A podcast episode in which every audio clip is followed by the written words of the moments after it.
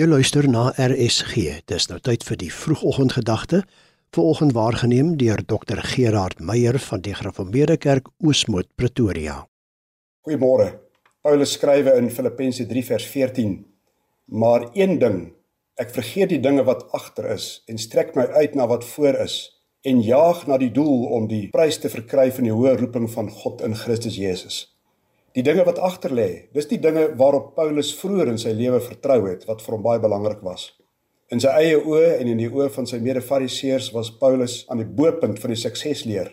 Hy het gedink dat hy goed doen deur Christen gelowiges te vang en te laat doodmaak. Sy CV getuig van moedige optrede en groot prestasies totdat die Here hom voorgekeer het op pad na Damaskus. Saul, Saul, waarom vervolg jy my? Die omkeer in sy lewe was drasties, dit was radikaal so radikaal dat sy ou CV opgesnipper en met 'n nuwe CV vervang moet word.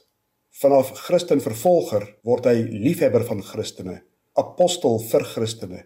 Hy word apostel vir Christus self. 'n So radikale omkeer is daagliks nodig in die lewe van elke Christen.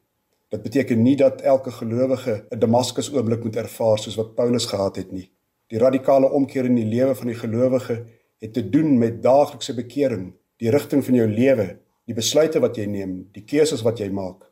Die gelowige wat Christus volg doen welbewus afstand van dinge wat nie met God se wil ooreenstem nie.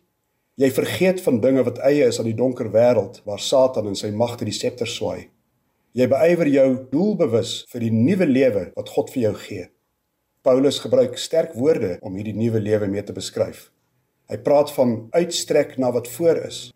Woorde wat so eie is aan 'n atleet wat besig is met 'n wedloop in ons lewenswetloop moet ons hierdie krag van die gees inderdaad uitstrek na wat voor is, die doel najag.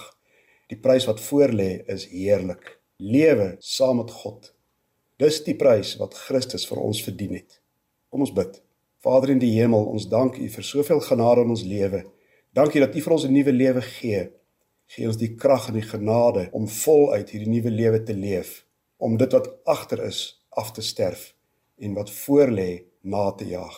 Seën ons ook in hierdie dag tot u eer in die naam van Christus ons verlosser.